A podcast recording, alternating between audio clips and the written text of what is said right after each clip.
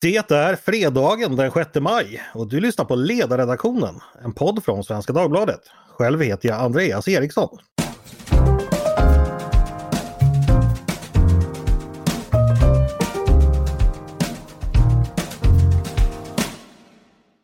Varmt välkomna till oss. Det är maj, det är fredag och vi går snart in i sirenernas tid och gullregnens månad. De nyss kala grenarnas skira grönska får naturen att transcendera mot det närmast sublima när majsolens rapsgula strålar skickar sina flora av värme för att väcka den till helt nyligen frugala myllan till liv. Den spröda nordiska våren är här och ingen kunde vara gladare än vi, Svenska Dagbladets ledarredaktion, som åter samlats för att vrida samtidens alla riktvisare rätt. Med mig just idag för, för att göra det har jag samma gäng som förra veckan en triad av liberal-konservativ tankeskärpa i form av Mattias Svensson, Paulina Neuding och Peter Wennblad. Välkomna allihopa! Tack så mycket! Tack så hemskt mycket! Paulina, hur tar du tillvara på det vackra vårvädret? Eh, jag går ut med min hund med jämna mellanrum. Mm. Det är mycket trevligt. Mm. Fantastiskt. Eh, Peter, jag hörde att Hemvärnet på Gotland inlett intensifierad verksamhet. Har du blivit uppbådad än? Eh, jag är faktiskt anmäld. Ja. Eh, jag, jag, anmälde mitt intresse för en månad sedan men det är så högt tryck i hemvärnet så jag har fortfarande inte blivit kontaktad för rekryteringsintervju. De kanske har gjort en viss bakgrundsresearch och kommit fram till att den där killen den tar vi på slutet om det verkligen är nödläge. Men, Fast du har ju en militär utbildning i, i, bakom dig, inte sant? Ja. Jo, det har jag faktiskt. 12 månaders värnplikt. Så du får väl hålla mynningsladdaren välputsad och krutet torrt hemma så länge i så fall. Mattias, eh, du har ju inte gjort värnplikten. Nej. Nej. Enligt en gammal, numera deskrediterad teori ska namnet på vår gemensamma hemö Lidingö ha med ordet ledung att göra. Det vill säga den flotta som Sveakungen i forna dagar kunde låta samla för att skydda rikets kuster. Är du redo den dagen vårdkasarna brinner? Eh, det vore väl synd att säga. Jag är, eh, jag är nog mer hemma i ett fredsland än i ett krigsland och det tror jag gäller de flesta uppvuxna i efter 200 år av fred. Men då säger jag som Gandalf, det är inte upp till oss att bestämma utan allt vi har att bestämma det är att göra eh, vad vi ska göra med den tiden som vi har fått oss tilldelad. Så är det. Och det kanske blir till att åka iväg någonstans och slänga en ring i något hål, vad vet man? Vad vet man. Då, jag tänkte vi sätter igång med veckans ämnen, eh, för de är många. Jag eh, tänkte börja med dig faktiskt Peter. Eh, förra veckan så började det med att Paulina och Mattias pratade invandring i 55 minuter innan du fick en syl i vädret. så jag tänkte att nu ska du få börja så att du verkligen får någonting sagt. Och du är först på tur och du smäller till direkt med ett avgångskrav faktiskt. Berätta! Ja, det tillhör faktiskt inte vanligheten att jag kräver ministrars avgång. Det gjorde jag inte ens efter jag hade hittat de här okända coronadokumenten som regeringskansliet hade eh, gömt undan. Nej, men den här gången, för, för, för, första, när jag för första gången kräver ministers avgång så tycker jag att det är dags för Peter Hultqvist att lämna försvarsministerposten. Äntligen! Är, ja, men det är, det är väl kanske inte för att han har gjort ett något dåligt jobb utan det handlar helt enkelt om hans trovärdighet som försvarsminister. Det finns väl få andra personer som har investerat så mycket trovärdighet och kraft i att vara mot ett svenskt NATO-medlemskap.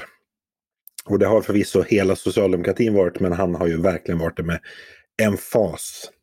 Och då tycker jag helt enkelt som det brukar fungera i en i en organisation när en ledande företrädare liksom kan misstänkas inte längre tro på det han eller hon är satt att göra, att då lämnar man sin, sin post. Och så måste det rimligen vara i Peter Hultqvists fall, att även om han eh, på riktigt är på väg att byta uppfattning om svenskt NATO-medlemskap eller om han bara så att säga flyter med den socialdemokratiska strömmen så, så är han inte lämplig som försvarsminister den dag Sverige bestämmer sig för att ansöka om medlemskap. Och rent konkret, vad är problemet med att han skulle sitta kvar? Nej, men om, vi, om vi håller kvar vid jämförelsen med en annan organisation eller ett företag, en organisation eller så är det ju så att ledande företrädare, man måste vara säker på att de tror på sin uppgift. Mm. Och I samma stund som man liksom inte har det förtroendet eller den tilliten längre, ja då, då är en ledande företrädare olämplig på sin post. Och nu om Sverige bestämmer sig för att ansöka om medlemskap så vidtar ju medlemsförhandlingar. Eh, eh, och det får inte finnas en misstanke vare sig från säger, resten av regeringen eller från den politiska oppositionen eller svenska folket för den skullen eller från Försvarsmakten att Peter Hultqvist liksom går in i de förhandlingarna med ett tvivel på eh, sin uppgift eller att man kan misstänka att han inte är fullt ut vad säger, lojal med det som han är satt att göra. Mm. Så att det är liksom ganska så här, det, det, är egentligen inte så mycket politiska skäl. Det ligger något be, beundransvärt i att kunna byta eh, ståndpunkt. Eller jag tycker det, man ska inte klandras för att man, man ändrar uppfattning. Men när, när man har haft en så tung uppfattning i, i en fråga, då gör det att nej, men då kanske man inte är eh, lämplig att vara den som står längst fram när den nya linjen ska, eh, ska tas.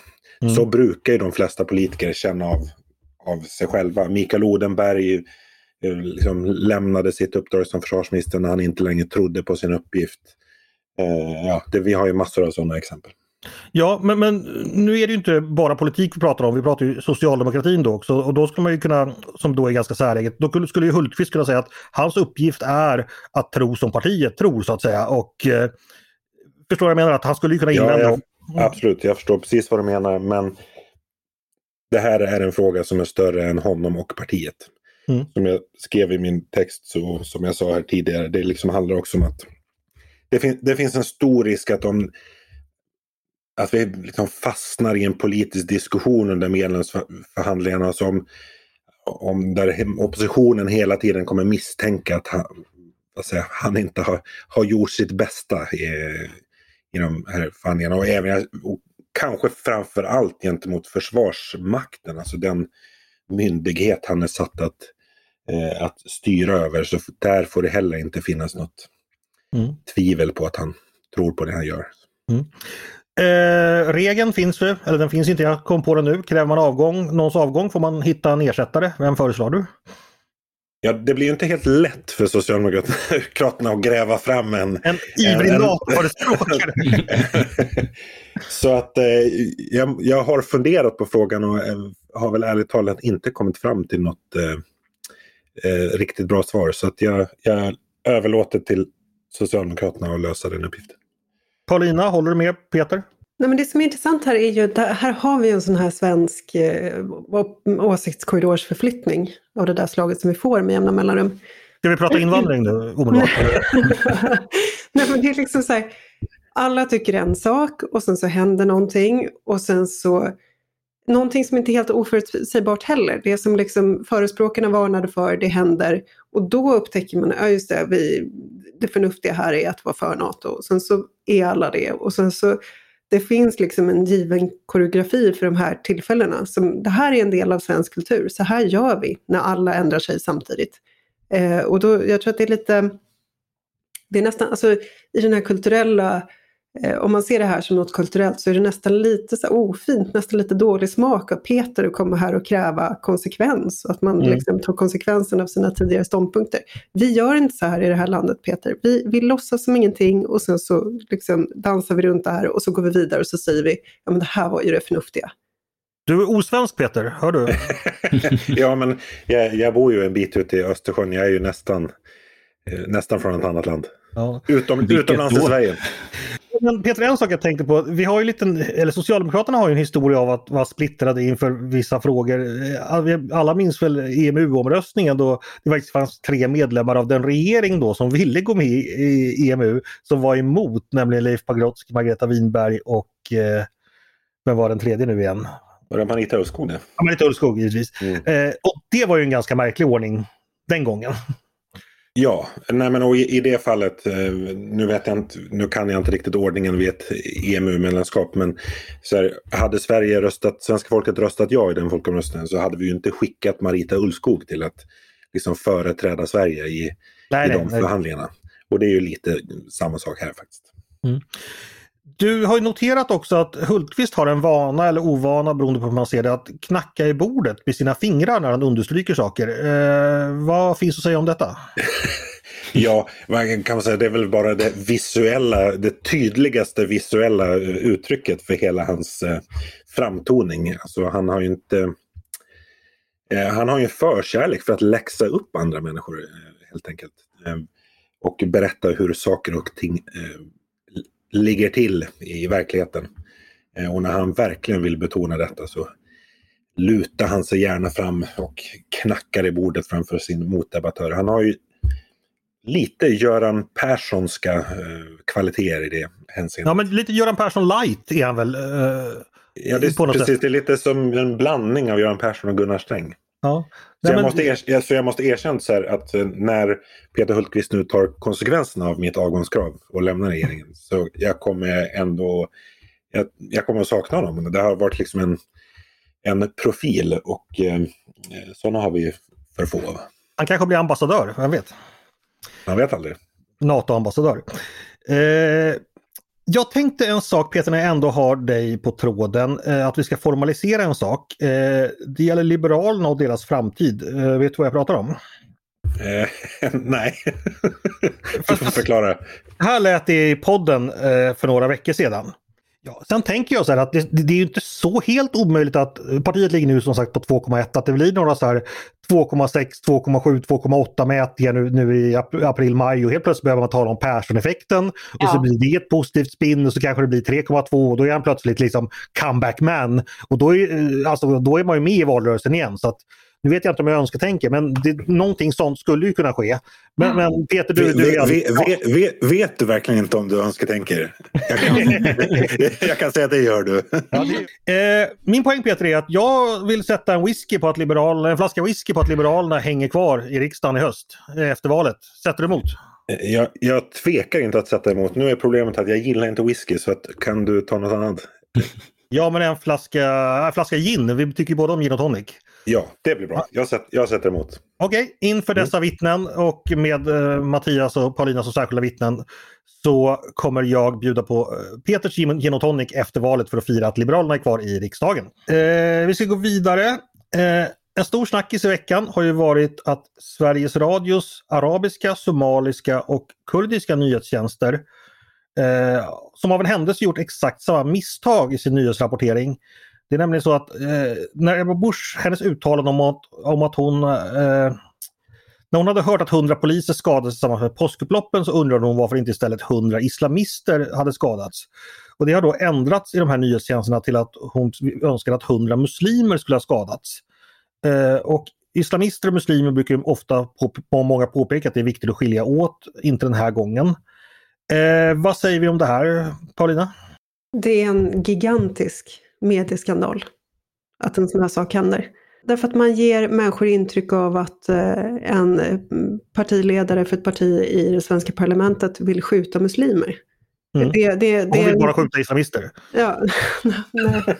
Eh, det, det är väl en grov felöversättning, speciellt om man ser den somaliska som verkligen ger det intrycket.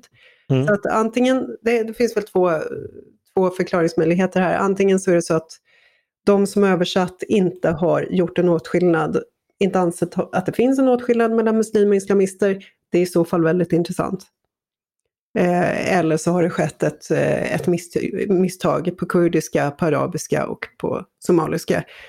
Eller den tredje möjligheten att man försöker framställa Ebba Busch på ett sätt som är inkorrekt. Och det här får ju också sättas i, i det här större sammanhanget med eh, stora kampanjer, pågående kampanjer mot Sverige i den muslimska världen. Alltså både Mm. vad gäller Rasmus Paludan och vad gäller de här eh, påstådda då kidnappningarna från svensk socialtjänst. Så här, Mm.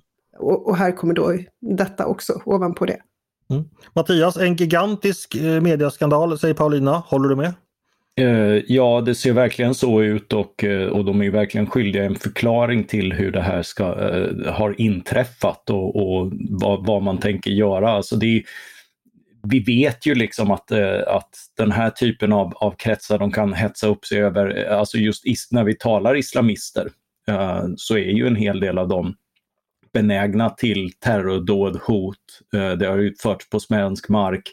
Eh, det kan liksom bli en, en förstärkt personlig hotbild eh, på grund av det här och det är ju oerhört att, att, liksom, att, att man väljer att förstärka på ett så ansvarslöst sätt i en så infekterad fråga. Det, det är liksom, det, jag utesluter inte att det är inkompetens bakom. Man ska aldrig utesluta att, att, att, det, är, eh, att det är det, men, men i vilket fall som helst så är det ju väldigt allvarligt.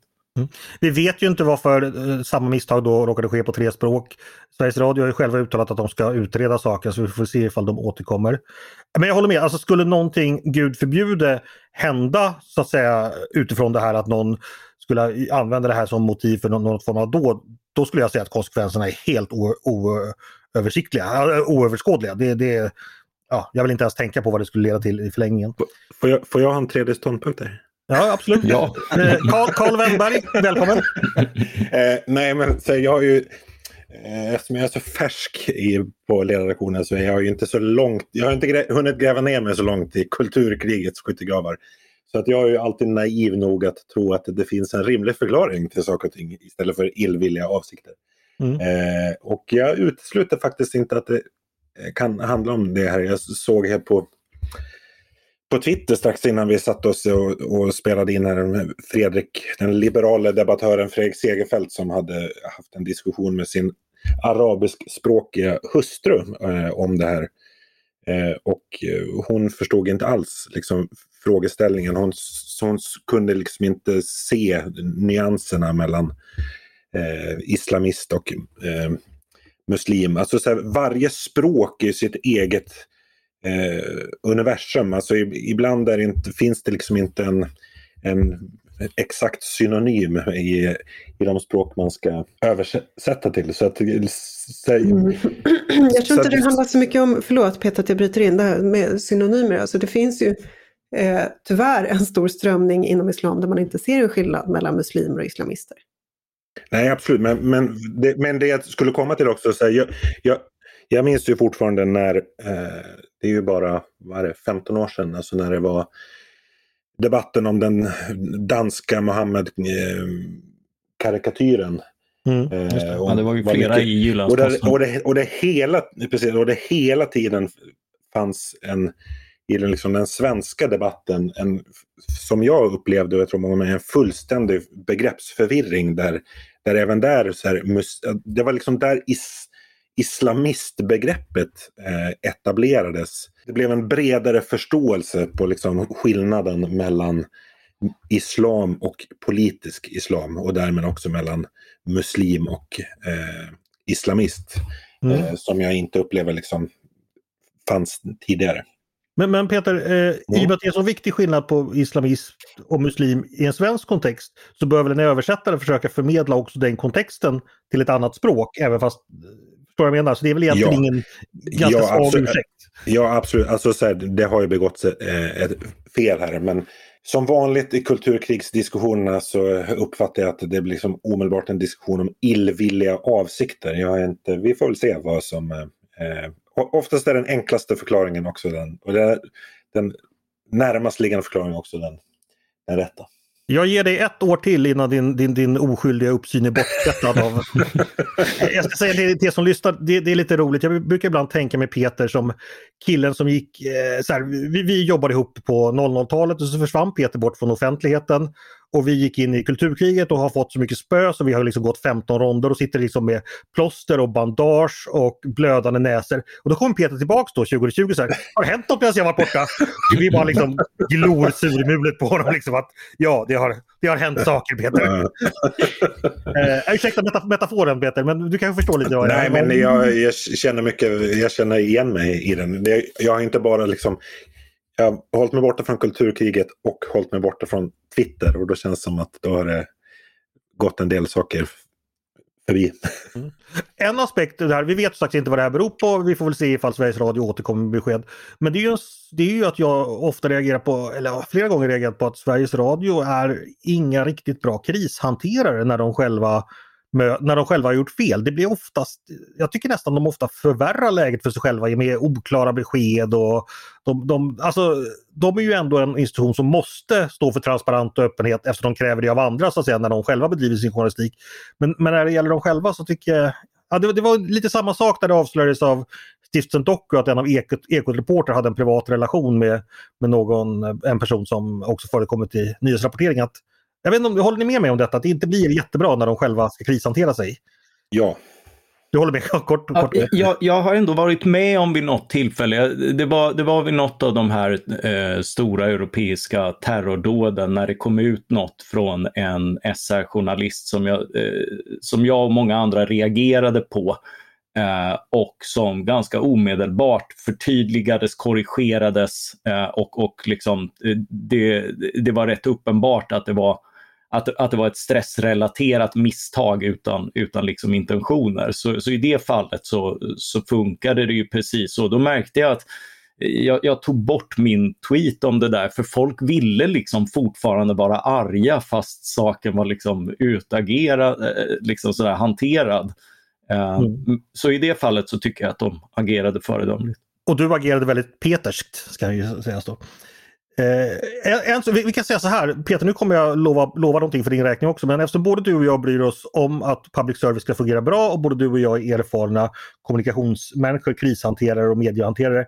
Ni kan få eh, fyra timmars eh, konsulttjänst av mig och Peter eh, ifall det kniper någon gång så kan vi rycka in och ta över krisledningen. Eh, kan vi säga så Peter? Ja, det kan vi göra. Ja. Hoppas någon på Sveriges Radio lyssnar på oss konkurrenter. Och det är ingen skam att ta in extern hjälp. Alla gör det. Inga konstigheter. Eh, så ska vi hjälpa er att försvara er mot Mattias och Paulina när de går loss nästa gång. Eh, ja, men eh, vi får se exakt hur det går med detta. Eh, vi ska gå vidare med veckans ämnen och då tänker jag att vi ska gå till dig Mattias. Du har varit ute och vevat mot Socialdemokraterna eh, i flera olika avseenden. Eh, vi kan väl börja med, eh, med eh, en text du skrev om att Socialdemokraterna ger sig själva en särställning i vissa avseenden. Vad, vad tänker du på då?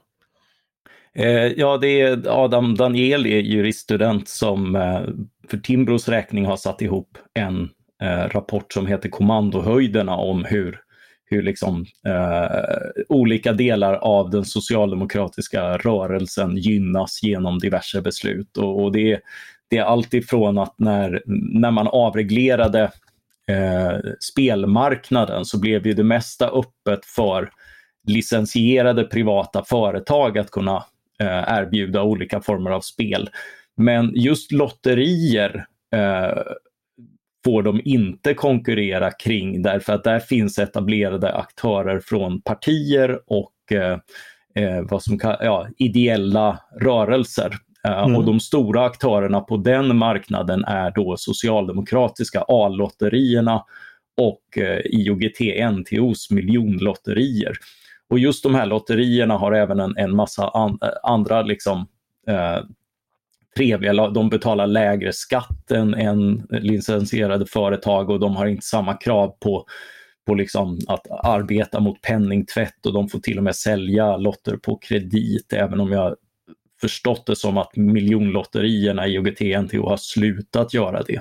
Mm. Men varför är det här så orättvist? Det är väl bara för Moderaterna att dra igång M-lotteriet och tjäna lika mycket pengar, eller?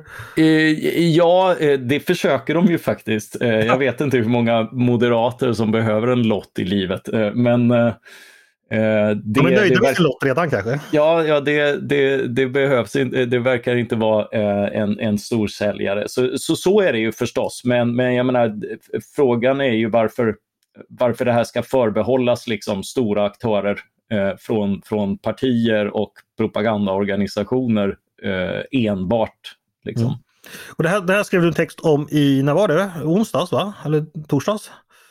Ja, dagarna går. Dagarna går. Eh, Någon Nå någonting, någonting sånt. Men det finns ju flera exempel i, i rapporten hur Hyresgästföreningen och, och, och, PRO och ABF och andra, det råkar alltid vara en rörelserelaterad organisation som, eh, som, som kommer lite bättre ut. Mm. Du jobbade också helg förra helgen och var ute och spanade på första majtal. Gav det någonting? Ja, jag, jag, var ju inte ute och spanade utan jag var med i SVTs studio ah. och, och hörde då eh, Magdalena Andersson och eh, Nooshi Dadgostars tal Mm. och kommenterade dem. Och finns det någonting du vill vidareförmedla till lyssnarna från detta? Ja, det har, det har ju skrivit om. Alltså det, det, är uppenbar, det var ju en uppenbar blandning mellan vad de måste tala om och vad de vill tala om. Och, och vad de måste tala om var ju då NATO till exempel. Mm. Eh, och, och våldet i förorter och sånt där. Det märks ju liksom att de, de, de var tvungna att ta upp det och, och, och stöka undan det och sen ville de prata ekonomi. Och det, det är ju intressant liksom därför att de, de rider ju på den här, liksom, LO hade ett, ett eh, stort utspel om hur mycket som nu ska satsas på, på välfärden och sådär, liksom summerat över fyra år. Eh, den, den runda summan 201 miljarder. Mm. Eh, och, eh, och det där är ju lite grann de sista dagarna av billiga krediters lättsinne. Den här, det har ju funnits en teori bland socialister om att om att det är bara för staten att låna eh, och, eh, och liksom när, när inflationen börjar stiga så tar vi det problemet när det kommer. Eh, en väldigt sorglös inställning som i sin förlängning går ut på att liksom, ett, ett land kan aldrig få slut på sin egen valuta. Och det är ju sant, liksom. men, men när Mugabe eller de i Venezuela testade den teorin så hade de förvisso jättemycket kvar av sin valuta, så mycket att man fick köra runt i skottkärror därför att Ja. det, det köper ingenting längre. Fy fan. Hur gick det? Kan man säga att de eldade massorna, de här partiledarna du såg? Nej, det var ju rätt. Eh, eh, Nooshi Dadgostar försökte ju, men det var, det var påfallande tyst när hon, när hon pratade om, eh, om Ukraina och, och solidaritet så där tyckte jag. Men, men annars eh, eh, så eh, hon, hon är ju lite av eh, Vänstern känner ju ändå viss medvind, men Magdalena Andersson eh, hade väl rätt glesa skaror ändå. De eldade alltså inte massorna? inte som, eh, ja, nej jag tappade tråden, jag vi ska inte gå in där. Jo, jag tänkte just det, för jag tycker uttrycket elda massorna är väldigt roligt så jag vill hellre diskutera det än några tråkiga första maj-tal.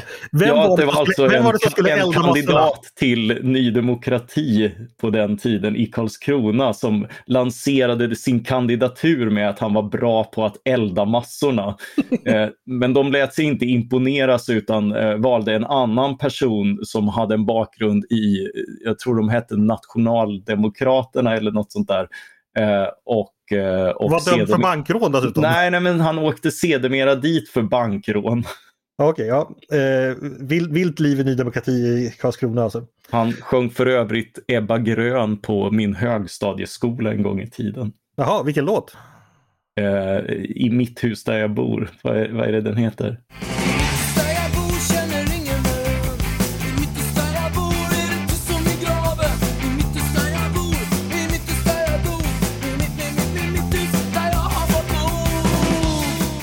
Mamma, pappa, barn är det. Ja, Det är väl andra låten från Kärlek och uppror, tror jag. Den som kommer efter 800 grader. Snyggt, snyggt Andreas, du kan få vara med i mitt quiz, musikquizlag. Ja, det tog ett litet tag. Eh, hörni, eh, vi ska gå vidare med ännu en stor så kallad snackis eh, från veckan som gått och då är det förstås duon Ebba och Kakan, senare utökad till trion Ebba, Kakan och Jimmy.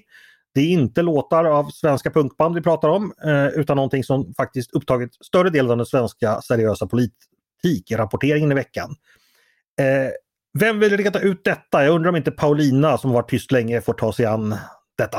Nej men det, det, oj vad det är intressant. Alltså, det man ser är att handskarna är ju verkligen av här i förhållande till Ebba Busch. Det, det sätt som hon blir behandlad på nu i offentligheten, det är rätt intressant. Cecilia Hagen skriver Expressen att hon har gått och smugit utanför Ebba Busch hem. Mm. Och givet liksom den hotbild som finns mot politiker generellt, man kan tänka sig att det kanske eventuellt finns en förhöjd hotbild om Ah, inte från Cecilia Hagen kanske. inte från Cecilia Hagen specifikt, men eh, man ska inte spekulera i hotbilder. Men det är så att eh, Sveriges Radio har precis felöversatt Ebba Busch så att det har framgått för stora skaror lyssnare som att hon har efterly- efterlyst att man skjuter muslimer. Mm. Det kanske inte är läge att eh, skriva att man sticker iväg till hennes hem. Nej. Eh, och sen så jag såg att Saga Kavalin skriver i DN att eh, Ebba Buschs klänning var så himla ful så det var nog bra att hon inte gick på den där galan så slapp hon göra bort sig i den där klänningen. Så att det, uppenbarligen så, så finns det en viss ilska här till vänster mot Ebba Busch. Det tror jag har att göra med just att hon har kunnat gå på de här kalasen och umgåtts i de här kotterierna och eh, man har en känsla av att här har man liksom släppt in den här katten bland hermelinerna och sen när hela, hela festen liksom vänder sig om och säger du, du hör inte hemma bland oss, då ska hon liksom verkligen jagas ut med högafflar. Och här liksom överkompenserar man för att man kanske har synts på bild på någon, något mingel med Ebba Busch och liksom hon, hon har varit inne i, i den här inre kretsen och då måste hon verkligen jagas ut. Nu pratar du high high school-film närmast. Mm, nej men det, det finns få, få saker som är så, eller få kretsar som är så intoleranta som de här woka vänsterkretsarna. Eh, så man är väldigt tolerant och inkluderande mot allt utom människor som har eh, avvikande uppfattningar. Mm. Jag vet inte om ni såg vad Lena Melin skrev. Det, det tyckte jag var ganska uppseendeväckande att hon tyckte Ebba Busch som då har barn eh, springer ute på galor och sådär. Och det känns som en sak man inte skulle skriva om en småbarnsfar kanske på samma. Jag tror, inte att man hade, jag tror inte man hade skrivit det om liksom, eh, Birgitta Olsson. Nej. Så. Utan det, jag, menar, jag, jag, liksom, jag såg vad Ebba Busch hade sagt i Ekots lördagsintervju och liksom bara, oh, gud, kan, kan de inte bättre än så här?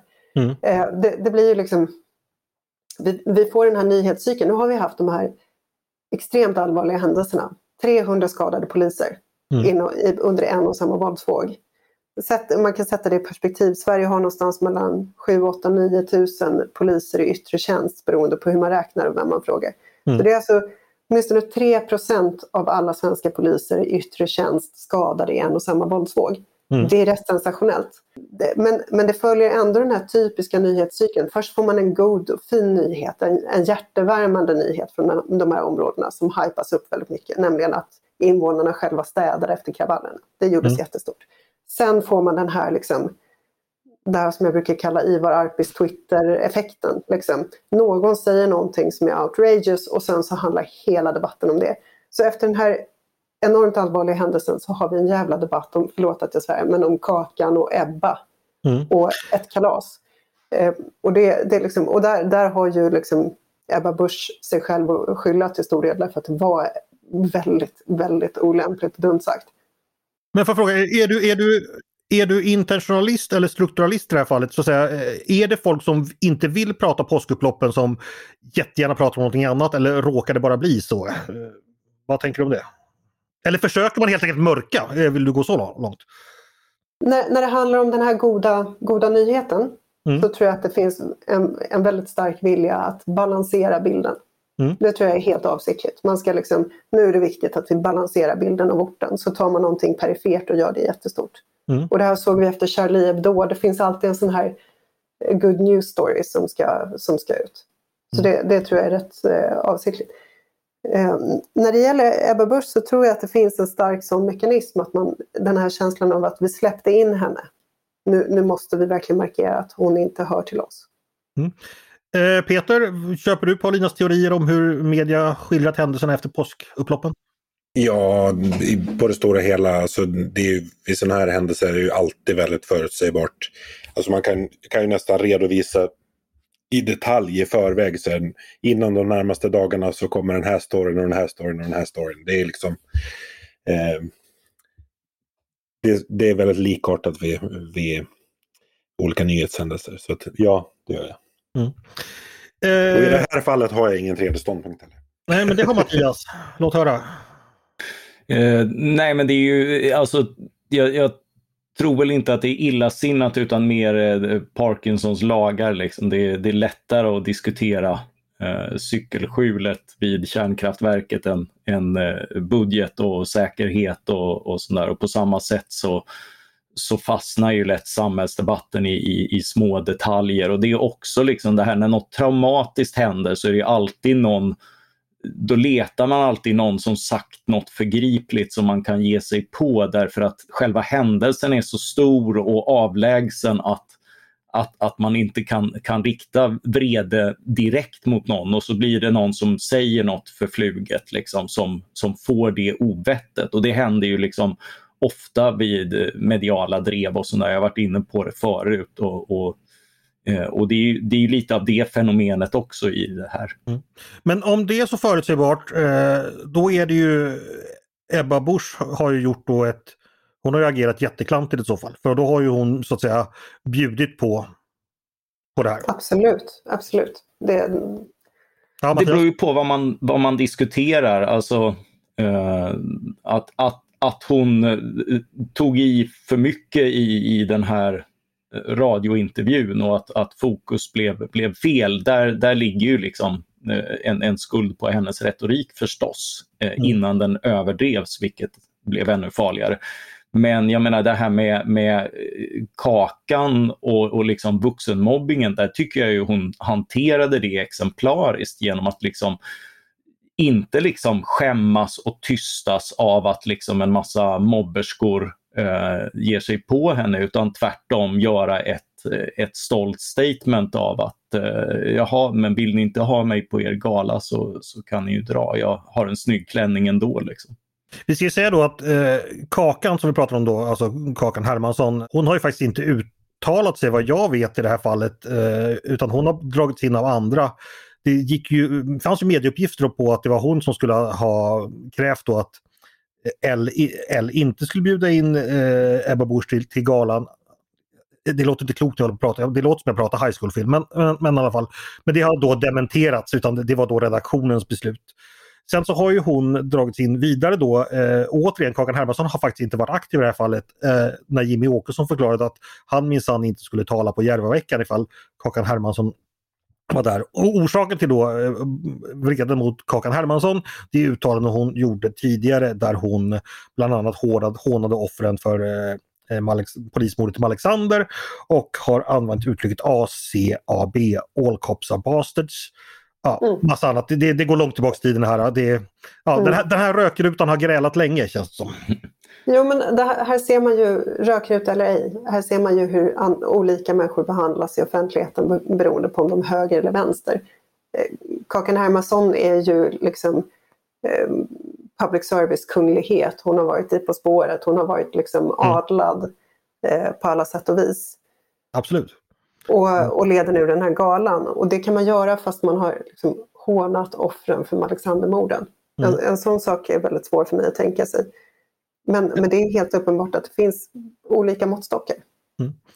Eh, så Hon är det har väl backat från det också. Ja, hon har bett om, hon har bett om, det ska också sägas, hon har bett om ursäkt. Eh, det, ska också sägas att nu tänker ni förstås som lyssnar att eh, ledarredaktionen går i samma fälla som de kritiserar övrig media för att diskutera oväsentligheter. Det gör vi nu, men i måndags hade vi ett program som handlade om just påskloppen där vi bland annat diskuterade tillståndsgivning med eh, hovrättsrådet eh, Casimir Åberg och vi pratade också polisiära våldsmetoder med eh, en lärare på Polishögskolan som heter Niklas Lindroth. Så att vi har varit inne på det. Till, så vill man ha mer så att säga, fakta och seriösa tankar då får man lyssna på måndagens podd. Idag är det fredag och det är lite mer lättsamma. Jag skulle vilja prata om något ännu mer ovidkommande om jag får. Ja, varsågod, herregud. Sätt. Det är fredag. Det är fredag. Nej, men det har ju följt en estetisk diskussion också som jag tycker är jätteintressant. Alltså, Eva Busch anklagas ju av Cecilia Hagen då återigen i Expressen för att vara nippertippa. Mm. Och Ce- Cecilia Hagen har tidigare kritiserat Ebba Busch för att hon har klackskor på sig. Mm. Ebba Busch har kritiserats för att hon hade en vit klänning på sig under en partiledardebatt. Och samtidigt så, så det finns någonting djupare kulturkrigsmässigt i hela den här estetiska konflikten också. Alltså, här har man en kvinna då som, eh, som kritiseras för att hon är, eh, ja, har, har en klassisk eh, stil när hon, i, i den här klänningen eller i de här klackskorna. Om man tittar då på Met-galan som var i veckan i New York eller då den här kusinen från landet, Elle-galan, så ser man att det är de allra flesta i, i liksom den typen av elit, den typen av kotterier, de väljer en helt annan estetik. Där, inte, där man inte är ute efter att vara piffig utan det är helt andra värden som man är, som man är ute efter. Alltså chockvärde eller att man är cool eller att man har coola referenser. Och en av få som jag såg på, eh, på bilderna från Met-galan som hade liksom en, en klassisk, bara en, en fin klänning som man såg fin ut i. Det var Kim Kardashian som hade på sig ett museiföremål, nämligen Marilyn Monroes klänning. Mm. Eh, Och här finns det liksom, så här dras liksom Ebba Busch in i en, en rent estetisk konflikt där, där att vara klassiskt fin, det är, det är någonting som är förknippat med att vara tillgjord, förljugen och eventuellt förtryckt och inte radikal. Jag, jag ser vart du är på väg. Du är på väg mot arkitekturupproret, du är på väg mot Mm, modern exakt. konst, de bara kluddar. Varför Precis, kan de inte... alltså- Eh, nej men, nej, men, Alltså. Karl XIIs de, de kunde Nej. måla dem. Ja. Nej men eh, om, om jag liksom bygger ett hus i nyrenässans idag, Mm. då är jag lika falsk och förljugen. Pastisch. Ja, det är pastisch det är liksom, och det är förtryckande och, och allt det där. Eh, problemet är bara att folk tycker att det är fint. Mm. Och folk tycker förmodligen att Ebba Busch är fin i, i sina klackskor och i sin klänning. Så, så här får liksom kulturkriget någon slags estetisk botten. Mm, och folk tycker att brandskattningen av Visby är en jättefin målning men vem bryr sig om det där konstiga kluddet som... Det skulle ett barn kunna göra. Alltså Paulina, det här är ju... Ja, nej men det här är så här, ja men sluta. Det, nej, du går, inte in i någon slags entartet konstdebatt med mig här. Nej, Det, okej. det handlar- Nej, jag, jag såg bara vart du var på Nej, väg. men det, det finns ju så här nyliberaler. Nyliberala, den nyliberala twittraren svarar nu så här, vad spelar det för roll vad folk har på sig? Men det spelar Mm. jättestor roll. Det berättar ju Eh, någonting om vad vi är och får hur vi ser på på sig. Jag tror den nyliberala vill. twittraren... Ha- ja, precis. Folk Kan den nyliberala twittraren få tala egen sak? Mattias, du får hoppa in nu. Ja, men alltså.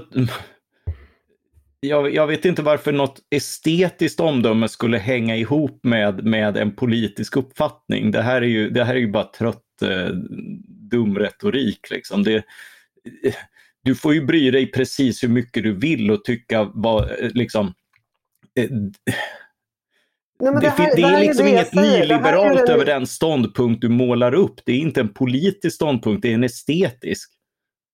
Jag håller ju med dig om att eh, liksom de här klassiska kläderna som, eh, som eh, Ebba Busch har på sig finner jag mer estetiskt tilltalande. Ja, men, eh, vem är det som håller på med dum retorik? Sorry, var det jag? Ja, Jag- jag bara- jo, men alltså, jag vad, vad, är det för, bara. vad, är det Men för, vad är det för nyliberal twittrare som, som Det är du, Mattias, har du liksom, sån här Nej, men eh, det- liksom Du sa, estetisk det, ju- du sa det ju relativism? själv, du sa ju själv så här, man får ju ha på sig vad man vill. Det är ju inte poängen huruvida man Nej, får ha på nej, sig och det var man min poäng inte. att det inte är poängen. Jag håller med dig i dina estetiska. Jag förstår inte varför, varför det ska målas upp att, att man måste ha en estetisk uppfattning för att man har en politisk uppfattning och varför det måste följa varandra. Då, då tar jag tillbaka det här nyliberala twittraren, då kanske jag är fel ute. Men man, man hör inom borgerligheten då invändningar, så här, men vad spelar det för roll vad folk har på sig och varför ska man ha åsikter om det? Ja men därför att det är viktigt och det berättar någonting. Om hela liksom, den amerikanska kändiseliten går på Met-gala och ser ut som knäppisar. Det är liksom, den ena ser liksom mer eh, märklig ut än den andra. Då kanske det berättar någonting intressant.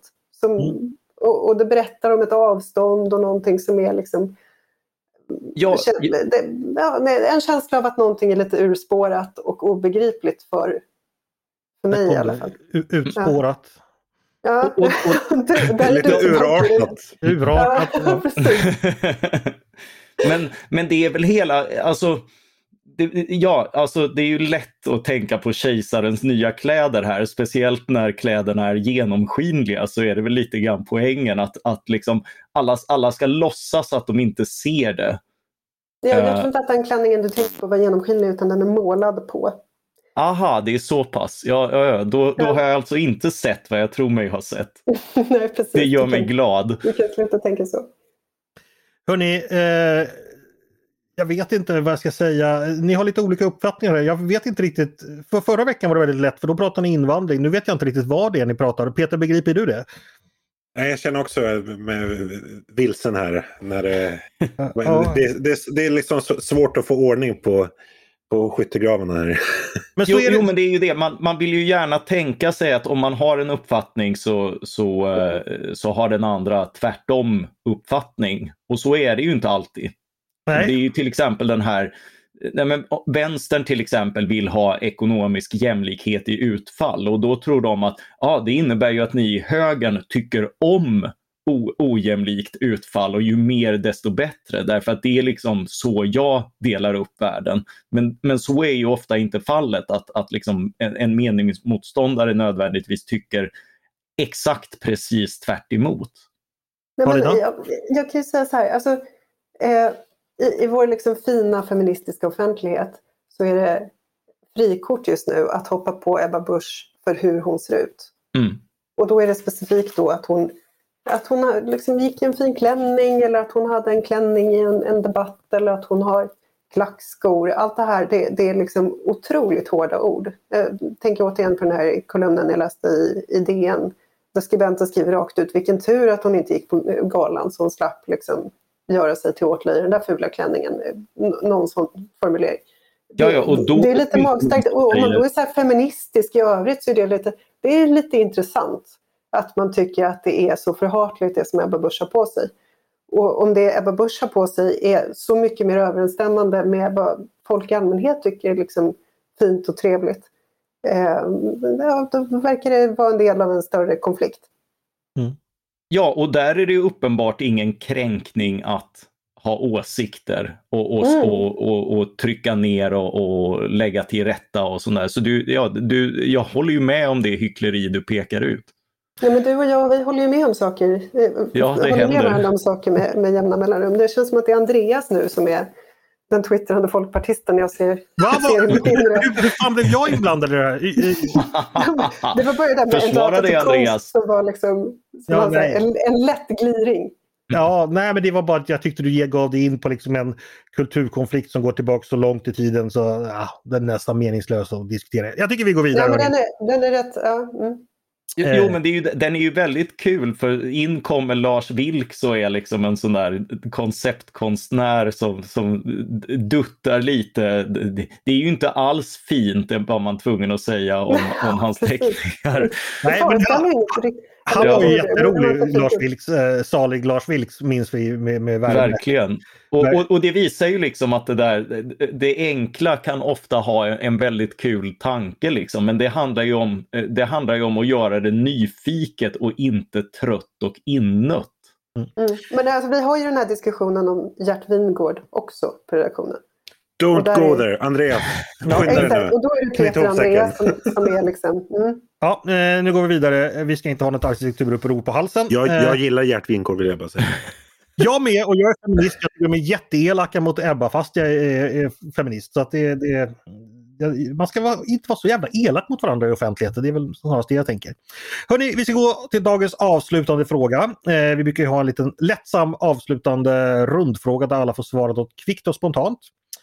Och idag, för exakt 85 år sedan, stod den 31-åriga reportern Herbert Morrison i, vid en mast i New Jersey och spelade in ett radioknäck som aldrig skulle sändas antagligen. Han visste inte när han började tala att ingenting han någonsin eh, hade gjort tidigare eller någonsin skulle göra senare skulle bli mer känt än det han skulle göra den närmaste minuten. Och vi pratar alltså om honom 85 år senare. Eh, jag antar att ni kan gissa vad det var han såg framför sig. Inte någon. Om jag säger Oh the humanity, vad säger ni då? här, här trodde jag då enligt ma- manus då att Peter skulle hoppa in då. Men den, det var nämligen så att luftskeppet Hindenburg, Tredje rikets stolthet, närmade Ah. sig makligt sin position vid masten eh, för att lägga till efter en resa över Atlanten. Ja, ja, ja. När plötsligt vätgasen som gav det här stora luftskeppet sin lyftkraft antändes. Och i ett rasande inferno av lågor exploderade tillvaron framför stackars Her- Herbert då. Som med gråten i halsen gjorde världshistoriens kanske mest kända radioinslag. Ni har säkert hört det någon gång. Och just begreppet Oh the humanity är ju, har ju blivit legendariskt och används i många, många sammanhang. Eh, detta skedde alltså för precis 85 år sedan. Vi, nu, nu vet ni vad jag pratar om. ja, Ja, härligt. äntligen. Äntligen. Eh, och därför tänkte jag att veckans fråga ska bli då radioinslag med Som ni minns eh, som har väckt er uppmärksamhet på något sätt. Ni behöver inte ha hört dem själva men någon ni har hört talas om eller något där så att säga radio har spelat en offentlig eller politisk roll. Eh, och då tänkte jag vi ska börja med Peter. Ja, jag tänker att jag ska ta ett som har haft lite personlig betydelse. Ja. Eh, det, det var nämligen så att under ett antal år om man googlade på mitt namn. Då, Mhm. var den, då var den översta träffen Peter Wennblad, bortgjord i Studio 1. Jaså? Vem, vem hade skrivit något så elakt? Ja, det, var, det var den eh, som jag fortfarande inte vet vem det var. Bloggaren Ginge. Ah, just han ja! Nu blir jag Som- nostalgisk. Ja, som av någon anledning. Eh, och eh, så här, jag har aldrig lyssnat på det här inslaget eh, själv så jag vet inte om det låg någonting eh, i det. Men jag var i Studio 1 och blev eh, intervjuad av Anders Holmberg som nu är på SVT. Och Jag kan säga En fantastisk det, reporter ska sägas. det var där jag insåg vilken fruktansvärt skicklig utfrågare han är. Mm. Och det borde jag kanske haft koll på innan. Ja. Otroligt duktig journalist. Ja. Otroligt duktig. Eh, nej, men jag, jag blev då intervjuad om, jag hade skrivit ett långt reportage om min egen svarta städhjälp. Det här var ju en tid före rutereform eh, och annat. Och Mm. han ställde väldigt svåra frågor och precis som han gör idag när han inte tyckte att han fick svar, då ställde han dem igen. Eh, och eh, därför fick jag den här träffbilden i Google. Men, eh, så att det är därför jag har, nu har gett mig tillbaka in i opinionsjournalistiken för att, för att, så säga, förändra min eh, Google-profil. Så Mm. att nu, nu kommer den ganska långt ner. Jag har ju ofta sagt det, att ni, ni måste liksom äga er egen Google-profil och ni måste också äga era egna Flashback-trådar. Så starta gärna en Flashback-tråd om er själva där ni själva liksom modererar och kan styra vad som, vad som sägs. Men, men, men mycket bra Peter. Eh, finns det här att lyssna på fortfarande någonstans? Har du kollat upp det? Det vet jag faktiskt inte. Och om det finns det så kommer jag inte att göra det. Kan jag klippa in det i framtida poddar. Ja. Eh, Mattias, vad säger du? Har du något radiominne eller radioinslag på lut? Alltså, jag, jag är rädd att jag kan ha ta, tagit upp det här förut, men det är liksom ett som hoppar ut och det var Eh, 90-tal, det var liksom den här fantastiska tiden när, när murar föll, diktaturer gick under och, eh, och demokrati och annat var på frammarsch.